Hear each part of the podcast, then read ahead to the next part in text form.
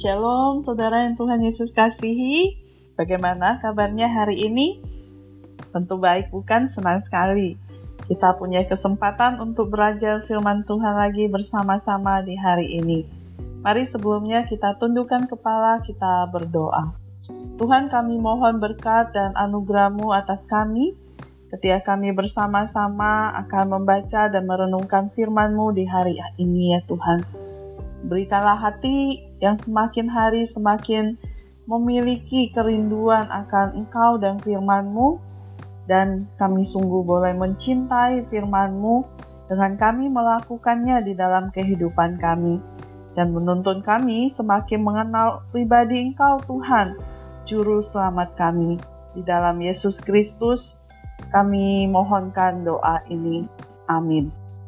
Pembacaan firman Tuhan hari ini dari Amos, pasal yang kelima, ayatnya yang ketujuh hingga ayatnya yang ke-13. Demikian firman Tuhan, melawan perkosaan keadilan. Hai kamu yang mengubah keadilan menjadi ipu dan yang mengempaskan kebenaran ke tanah. Dia yang telah membuat bintang kartika dan bintang belantik yang mengubah kekelaman menjadi pagi, dan yang membuat siang gelap seperti malam. Dia yang memanggil air laut dan mencurahkannya ke atas permukaan bumi. Tuhan, itulah namanya. Dia yang menimpakan kebinasaan atas yang kuat, sehingga kebinasaan datang atas tempat yang berkubu mereka benci kepada yang memberi teguran di pintu gerbang, dan mereka keji kepada yang berkata dengan tulus ikhlas.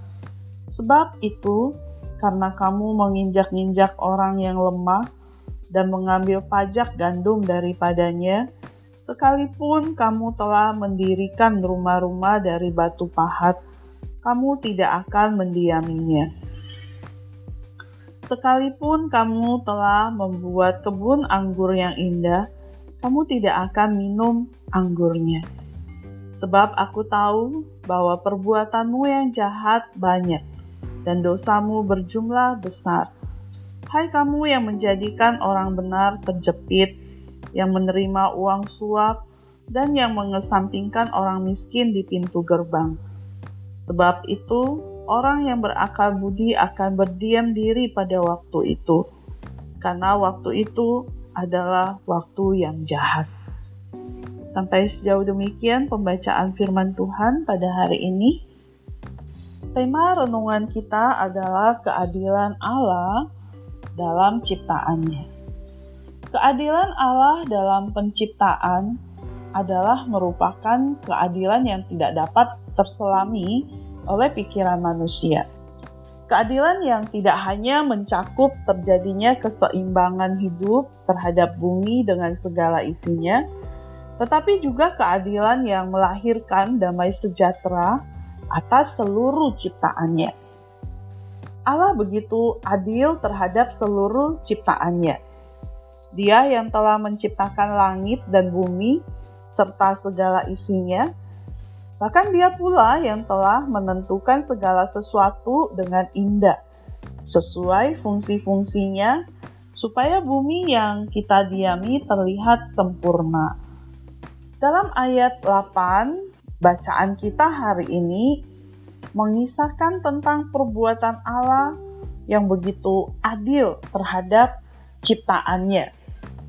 Dikatakan di sana, dia yang telah membuat bintang kartika dan bintang belantik, yang mengubah kekelaman menjadi pagi, dan yang membuat siang gelap seperti malam.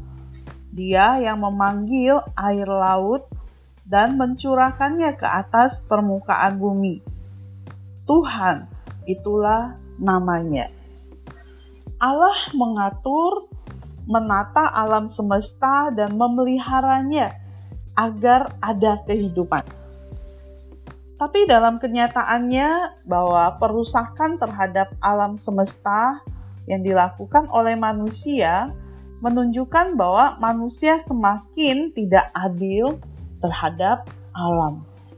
tidak lagi bersahabat dengan lingkungan, sehingga yang terjadi bukanlah keindahan ataupun harmonisasi terhadap seluruh ciptaan Allah, melainkan ketidakadilan, ketidaknyamanan, ketidakindahan bagi seluruh ciptaan Tuhan. Sebagai anak Tuhan, sudah seharusnya kita berlaku adil pada lingkungan kita. Dengan bagaimana? Dengan kita menjaga, memelihara, mencintainya, agar terjadi keseimbangan hidup antara manusia dengan alam. Yang berarti kita jangan buang sampah sembarangan, apalagi membuangnya ke sungai atau parit yang dapat menimbulkan banjir, menebangi pohon tanpa menanam kembali, menangkap ikan dengan cara bom. Kita menjadi pelaku ketidakadilan Allah terhadap alam semesta. Keadilan Allah harus menjadi identitas orang Kristen, dan hal itu dimulai dari diri saya diri kamu dari diri kita semua sebagai anak Tuhan. Ingatlah, mari kita minta kepada Allah kemampuan agar kita dapat bertindak adil terhadap semua ciptaan dalam dunia ini. Mari kita berdoa. Terima kasih Bapa di dalam surga untuk kebenaran firman-Mu yang kami sudah bersama-sama renungkan di pagi ini. Kami bersyukur Engkau Allah yang luar biasa, Allah yang menciptakan langit dan bumi dengan segala isinya yang begitu luar biasa baik. Engkau menempatkannya sesuai dengan fungsi-fungsi masing-masing, dan supaya di atas bumi ini ada kehidupan.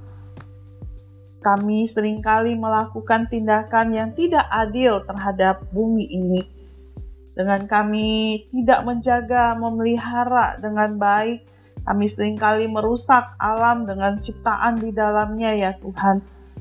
Kami berdoa Tuhan di hari ini.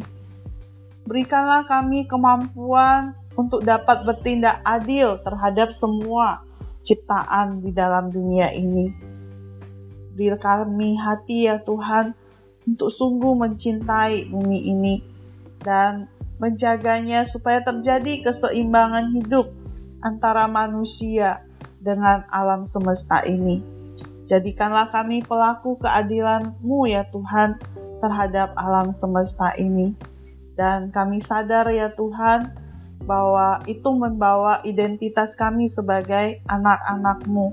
Kiranya semua itu kami mulai dari diri kami dengan tidak membuang sampah sembarangan, dengan menyirami tanaman dan tidak merusak pohon tanaman di tempat-tempat yang seharusnya pohon-pohon itu tetap ada sehingga tidak terjadi banjir dan longsor yang bisa mencelakai manusia.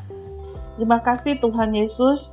Kami bersyukur untuk semua kebenaran firman-Mu yang boleh menegur dan mengingatkan kami akan menasehati kami ya Tuhan. Kami serahkan sepanjang hari ini ke dalam tangan-Mu. Pimpin sertailah seluruh kegiatan yang akan berlangsung, baik kami maupun uh, keluarga kami. Terpuji namamu Bapa di dalam surga. Demi nama Tuhan Yesus kami mohonkan doa ini. Amin. Bersama Yesus, aku bisa.